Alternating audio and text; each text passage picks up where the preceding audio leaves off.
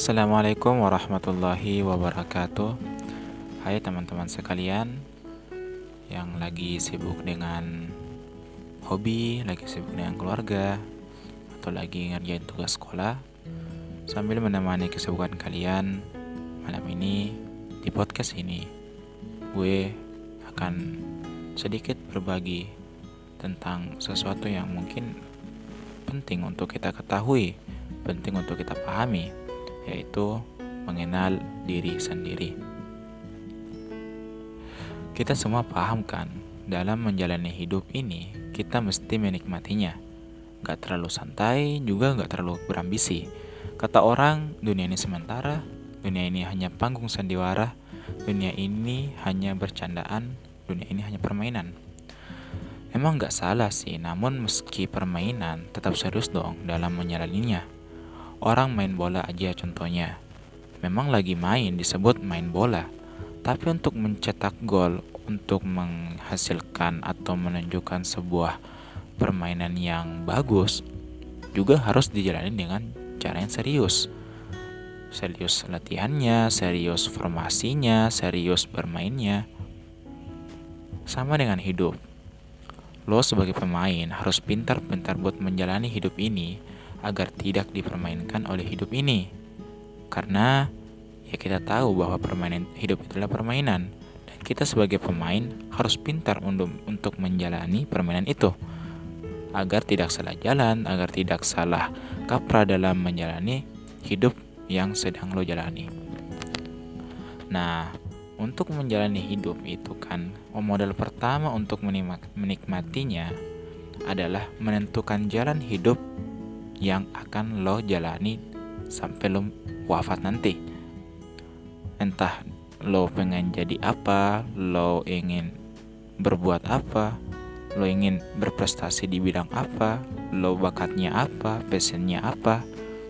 Itu semua penting untuk kita pahami bersama. Kenapa? Bagaimana lo akan menikmati hidup lo, sedangkan lo sendiri ndak tahu lo itu siapa, lo itu bakatnya di mana, lo itu bisanya apa, ya kan? Karena hidup ini kan harus dijalani sesuai dengan passion kita masing-masing. Lo hebat di mana, lo hebatnya di bidang apa, itu penting untuk kita sebagai modal, sebagai kunci kita untuk lebih enjoy dalam menjalani hidup keseharian kita. Namun nyatanya banyak di antara kita yang mungkin udah hidup udah berpuluh tahun mungkin udah mulai menua namun masih nggak tahu juga lo itu siapa? Lo itu bakatnya apa? Lo itu bisanya apa? Lo itu maunya ke mana? Dan hidup lo ini ingin diisi dengan apa gitu? Contohnya aja sejak kecil lo cuma dipilihin sekolah dipilihin guru dipilihin les oleh orang tua kita. Ya mungkin memang oke okay lah kita masih anak-anak. Kita masih dibimbing sama orang tua secara langsung. Tapi ketika kita sudah memasuki usia SMA apalagi kuliah kan apakah baik apakah normal? Kalau semuanya harus ditunjukkan orang tua kamu sekolahnya di sini kamu bidangnya ini kamu les ini kamu kuliahnya jurusan ini pokoknya semua harus nurut sama orang tua ya kan nggak juga kan. Emang kita harus patuh dengan orang tua kita harus hormat dengan orang tua. Tetapi hidup ini bakat ini yang terpendam dalam diri lo masing-masing itu juga harus diasah.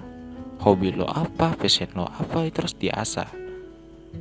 Ketika seseorang telah menjalani sebuah aktivitas yang bukan dari hatinya bagaimana aktivitas itu akan menghasilkan sebuah mahakarya atau menghasilkan sebuah hasil yang menghasilkan senyuman kebahagiaan sedang? Lo aja ndak menikmatinya gimana kan? Maka penting bagi kita untuk mengenal diri kita mengenal bakat kita mengenal passion kita sehingga arah kehidupan lo itu akan teratur. Jenjangin dari sini ke sini ke sini ke sini bertingkat-tingkat terus meningkat sesuai dengan apa yang lo suka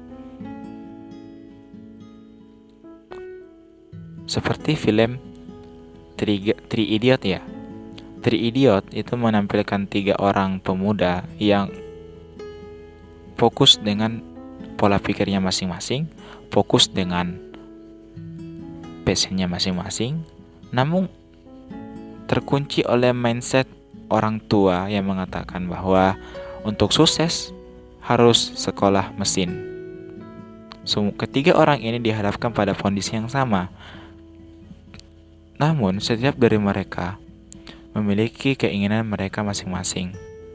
Salah satu contoh yang paling mencolok adalah konflik antara orang tua dengan si anak diperankan oleh tokoh bernama Farhan. Farhan adalah seorang pemuda yang tidak pernah menyukai tentang mesin, tidak menyukai engineering. Namun dia sangat suka tentang fotografi, foto memoto, terutama di bidang wild fotografi yaitu fotografi dunia alam bebas gitu. Di ceritanya itu dia memang dihadapkan pada kondisi beberapa kali konflik dengan orang tuanya di mana dia ingin sekolah fotografi namun orang tuanya memaksanya dan akhirnya dia menjalani kuliahnya sampai hampir wisuda dengan nilai yang selalu nomor satu paling bawah. Saking tidak sukanya dengan engineering. Sampai ada satu segmen, satu keadaan di mana akhirnya Farhan berani untuk mengutarakan hak dari hati ke hati kepada orang tuanya. Pak, Bu, aku ingin sekolah fotografi. Mungkin gajiku kan sedikit, mungkin rumahku tidak akan besar, mungkin mobilku tidak akan mewah, teman-teman seangkatanku mungkin udah jadi pegawai perusahaan, direktur, CEO, mungkin banyak yang lebih di atas. Namun, apalah arti pekerjaan ini ketika aku tidak bahagia? Pak, Bu, tolong pahamilah aku, karena aku ingin belajar sesuai dengan apa yang aku sukai. Ketika aku memaksakan diri untuk berkuliah, berkuliah mesin, berkuliah engineering, mungkin aku akan, akan kaya, namun aku tidak akan bahagia. Apakah kau ingin melihat anakmu hanya luntang-lantung tidak jelas dengan nilai yang berantakan? Juga tidak akan ada perusahaan yang ingin menerimaku sebagai karyawannya. Maka biarkanlah aku untuk menjalani hidup yang aku inginkan. Di film itu, di Three Idiot, Tiga Idiot, itu cukup menginspirasi bagi kita bahwa hidup itu harus dijalani dengan apa yang kamu sukai. Dalam tanda kutip positif ya, bukan berarti ketika lo suka yang negatif terus lo beralasan ini bakat gue itu passion gue enggak. Tetap pada koridor kepositifan ya. Salah satu contohnya adalah gue sendiri kan gue tuh anaknya suka ngomong suka ngoceh sana sini ngob ajak ngobrol teman ajak teleponan chatting. Misal ada yang punya lagi konflik ada yang punya masalah aku ajak ngomong. Di grup WA kelas ada yang lagi apa ya mungkin sedikit berselisih ya aku ajak ngomong secara personal. Aku chat dia Aku tanya kamu kenapa, kenapa, kenapa, kok kayak gini sama dia. Nah itu penting untuk kita. Untuk gue maksudnya. Nah, kenapa? Karena aku menikmati ketika mendengarkan ceritanya, dia lagi kayak gini, mendengarkan problemnya kayak gimana, mendengarkan curahan hatinya. Bukan jadi sok-sokan pahlawan kesiangan atau sok-sokan perhatian enggak. Tapi memang aku sendiri tuh suka mendengarkan cerita orang lain. Karena ketika mendengarkan cerita orang lain itu akan membuka wawasan kita bahwa di luar sana itu bermacam-macam konflik, bermacam-macam cerita, bermacam-macam perseteruan yang mungkin akan bermanfaat bagi dirimu untuk lebih memahami, jauh lebih memahami tentang kehidupan ini, bahwa tidak selamanya akan senyum aja ketawa-ketawa aja pasti ada momen-momen di mana kamu itu menghadapi konflik. Nah, ketika menghadapi sebuah konflik yang tidak pernah kamu hadapi, namun kamu punya pengalaman dengar cerita dari orang lain, mungkin ketika itu kamu bisa menentukan sikap berdasarkan pengalaman itu. Nah, itu juga penting. Nah, balik lagi, gue kan suka ngomong, suka cerita sama orang. Di sini aku mulai memahami bahwa aku tuh suka ini berbicara. Ya udah. Supaya berbicaranya lebih halus, berbicaranya lebih baik lagi. Apa yang aku punya ini aku latih dengan cara salah satunya ya bikin podcast ini. Mungkin ya nggak terlalu bermanfaat atau nggak terlalu berisi tapi setidaknya di sini aku merasa lebih lega karena apa yang selama ini ada di kepala aku yang ingin aku utarakan sama orang-orang bisa ku sampaikan melalui media podcast ini. Ya jika ada manfaatnya ya alhamdulillah, jika tidak ya mungkin belajar lagi ya. Setiap passion, setiap bakat itu, apa yang kamu suka itu memang nggak langsung keluar begitu aja, memang perlu diasah, perlu di menjadi prioritas dalam setiap hari aktivitas kita. Di lain kesempatan mungkin di kelas, mungkin lagi diskusi, lagi belajar di kampus, kan ada tuh keadaan di mana kita mungkin ditunjuk jadi pemateri untuk membawakan materi kelompok. Mungkin juga ada kesempatan di mana ada yang ingin bertanya, ada yang kurang dipahami.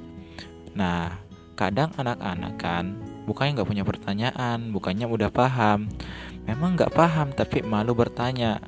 Alasannya cuma satu, Aku nggak tahu caranya menyusun kata-kata. Aku nggak tahu caranya merangkai kata-kata supaya enak didengar, tidak ditertawakan oleh orang lain. Padahal ketika berbicara itu berbicara aja sesuai dengan bahasa kita masing-masing. Kalau mau diatur dengan bahasa baku, diatur dengan bahasa yang sulit untuk diucapkan oleh lidah kita, kenapa harus pusing-pusing menggunakan bahasa itu?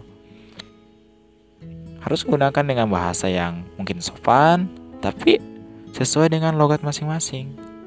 Nah, karena mungkin kekurangan jam terbang di kelas berbicara depan umum menjadikan orang itu menjadi insecure atau pemalu atau tidak percaya dengan dirinya. Nah, saya sendiri menjadikan kesempatan itu untuk melatih kemampuan berbicara saya untuk lebih halus lagi, lebih padat lagi, lebih lirih tanpa ada tersendak-sendak anu e e e kan gitu kan yang sering kita dengar. Nah, aku mengenal diriku sendiri sebagai orang yang suka ngomong, maka aku, aku memanfaatkan setiap kesempatan yang ada yang berhubungan dengan berbicara sebagai bentuk pengaplikasian dan sebagai bentuk pelatihan terhadap diri sendiri. Nah, selanjutnya kayak udah panjang banget nih Mbak. Udah mulai mengenal tentang passion dan bakat itu kan ya. Namun apakah kita betul-betul tahu apa itu passion, apa itu bakat? Emang hampir sama sih, emang sama ketika ketika mengartikan passion itu kita menyebut bakat ya emang nggak salah. Namun nggak segamblang itu juga. Karena yang aku pahami ya tentang passion passion itu adalah sesuatu yang menjadi kesukaan kita. Kesukaan banget gitu. Sampai mau menghabiskan waktu berjam-jam untuk melakukan hal itu tanpa dibayar, tanpa disuruh, tanpa ada ikatan-ikatan lainnya. Misal, ada yang orang suka baca buku. Itu mungkin jadi kesukaan dia, hobi dia, mungkin dia suka sastra, dia suka cerita, dia suka puisi, dan sehingga dia banyak menghabiskan waktunya berjam-jam untuk membaca buku. Meskipun tanpa dibayar oleh siapa pun, Meskipun juga tanpa ada kewajiban dari sekolah untuk membaca sebuah buku tertentu, dia tetap membaca karena itu sudah menjadi kepuasan hatinya tersendiri. Nah, untuk mengenali passion kamu, salah satunya adalah melihat apa yang menjadi kesukaan kamu yang sampai berjam-jam disuruh tidak disuruh akan kamu lakukan dengan sepenuh hati, dengan sebaik mungkin. Seperti itu. Ada yang suka main gitar, ada yang suka musik, suka nyanyi, disuruh nggak disuruh. Namun ketika ada kesempatan untuk menampilkan itu, ada keinginan besar dari dalam dirimu untuk melakukannya. Ada orang acara nikahan, gak disuruh, gak dibayar. Kamu langsung naik ke panggung, terus minta untuk diiringi satu lagu yang akan kamu nyanyikan untuk di acara itu.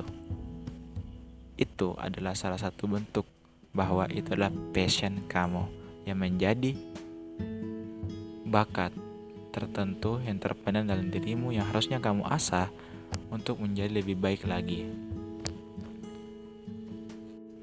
Nah, itu salah satu cara untuk mengenal dirimu, mengenal bakatmu itu apa. Mungkin masih banyak lagi tips-tips atau trik-trik lain yang lebih baik dari apa yang aku sampaikan ini. Namun dengan satu metode yang paling simpel ini mungkin udah bisa menjadi pengantar kamu untuk mengenal dirimu itu siapa. Nah, ketika kamu sudah mengenal bahwa kamu itu sukanya apa, hebatnya apa, bakatnya apa, passionnya apa gitu kan. Maka penting bagi kamu untuk mengasah kemampuan itu menjadi lebih baik lagi, mengasahnya menjadi lebih maju lagi, mengasahnya lebih berkembang lagi. Dan ketika kamu sudah enjoy dengan itu, maka tunjukkanlah di depan umum. Jangan malu untuk mengekspresikannya, jangan malu untuk menampilkannya, karena hal ini juga penting untuk kamu lakukan, bukan dalam bentuk ria, ingin dipuji, atau gaya-gayaan, enggak. Publikasi atau menampilkan atau mengekspresikan ini penting untuk mendapatkan kritikan atau mendapatkan saran yang dapat membangun dirimu dan menjadi bahan ajaran untuk kamu untuk lebih mengenal lagi tentang bakat yang kamu punya. Bodoh amat dengan nyinyiran atau komen negatif dari orang lain. Intinya kamu jalani apa yang kamu suka dan jangan ingin dibatas-batasi oleh ketakutan atau kekhawatiran akan mendapatkan respon yang kurang baik dari orang lain. Jika pikiranmu hanya takut dikritik, takut dicerca, takut dihina sama orang lain, ya udah, dirimu ya gitu-gitu aja tiap harinya. Ya mungkin memang bisa belajar otodidak. Mungkin bakatmu lukis bisa belajar otodidak, nyanyi bisa otodidak. Namun, komunitas tertentu yang sesuai dengan apa yang kamu suka itu juga penting sebagai bentuk kolaborasi dengan orang lain untuk lebih mendapatkan ilmu yang tidak hanya dalam bentuk media digital yang kamu tonton di YouTube atau kamu dengarkan di podcast atau di tempat lain, namun juga perlu ada interaksi langsung dengan para penggiat-penggiat yang sama dengan apa yang kamu sukai. Maka jangan pernah malu untuk bertanya, jangan pernah malu untuk ber belajar kepada orang lain. Karena interaksi yang sehat, interaksi yang teratur, interaksi yang baik akan menimbulkan juga efek yang baik untuk dirimu sendiri. Maka jangan pernah malu lagi untuk menampilkannya. Jika memang salah, jika memang kurang baik penampilanmu, kurang baik apa yang kamu tunjukkan, yaitu wajar. Karena pembelajar itu harus selalu mulai dari yang paling rendah untuk mencapai tingkat yang paling atas. Maka itu penting untuk memahami bahwa tidak ada orang yang bisa langsung hebat begitu aja. Memang banyak anak-anak kecil yang mungkin hebat di bidang apa, terus di usia yang sangat belia mereka sudah bisa me menjalaninya atau mungkin bisa sudah mengenal diri mereka hebatnya di mana dan sudah bisa mengasahnya dan menampilkan sebuah karya yang sangat hebat. Itu wajar, mungkin orang tuanya yang sudah mengenal bakatnya dari kecil dia hebat di mana, dia arahnya ke mana, orang tuanya paham dan tidak memaksakan kehendak orang tua kepada anak tersebut sehingga dia terarah sesuai dengan lingkungannya yang dia butuhkan untuk melatih ke bakatnya itu. Beda dengan kita yang mungkin di usia keberapa baru mengenal bahwa dirimu itu hebatnya di mana, baru mengenal dirimu itu siapa, baru mengenal kamu itu harusnya jalannya di mana. Nah, itu passion ya, bakat yang memang ada dalam diri kita masing-masing. Namun, ada juga satu hal yang sangat penting untuk kita punya sebagai pondasi kita untuk menjalani hidupnya ini, untuk lebih menikmati hidup ini.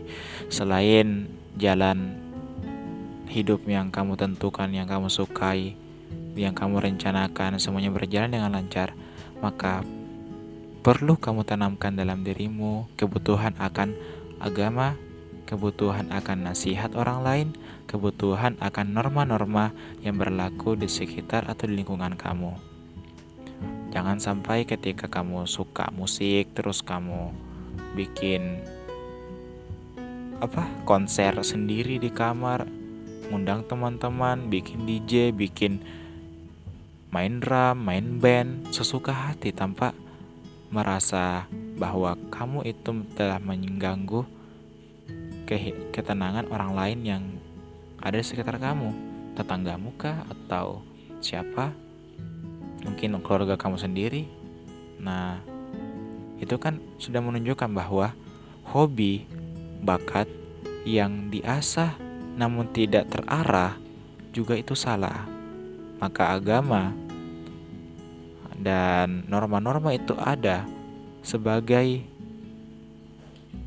cover atau frame yang membingkai perjalanan hidupmu untuk menjadi lebih baik lagi. Ketika kamu mungkin sudah hebat dengan bakat itu, sudah hebat dengan kemampuan kamu, karena tuntunan agama, ajaran agama, ajaran norma, ajaran sosial lingkungan yang masukannya positif terhadap dirimu akan membuat kamu menjadi lebih rendah hati, lebih lebih berkarisma, lebih bijaksana, tidak seenaknya aja, tidak dipandang kurang ajar, tidak dipandang buruk oleh orang lain. Maka tiga hal ini mengenal dirimu dengan bakatmu, mengasahnya sesuai dengan bakat itu, dan ketiga diarahkan agar bakat itu tidak menjadi negatif atau tidak berdampak buruk terhadap orang lain dan agama menjadikan dirimu lebih paham untuk menata hati, menata tingkah, menata adab ketika kamu sudah berada di atas sana dengan kemampuan kamu yang kamu bawa dari sejak lahir. Ya, mungkin hanya itu yang bisa aku sampaikan di podcast ini. Mudah-mudahan apa yang aku sampaikan ini dapat kamu pahami dengan baik dan dapat kamu jalankan dengan baik pula. Jangan pernah malas untuk belajar lebih lagi. Jangan pernah malas untuk terus membaca, terus menggali potensi kamu bahwa kamu dilahirkan dengan satu emas yang kamu sudah kandung dalam diri masing-masing yang tinggal menunggu masanya di mana emas itu akan muncul di luar dan menjadi sebuah cahaya bagi dirimu bagi orang lain yang akan mengarahkan kepada kehidupan yang lebih kamu sukai dan berdampak positif terhadap orang lain. Sekian dari gue, Muhammad Yusuf. Salam. Assalamualaikum warahmatullahi wabarakatuh.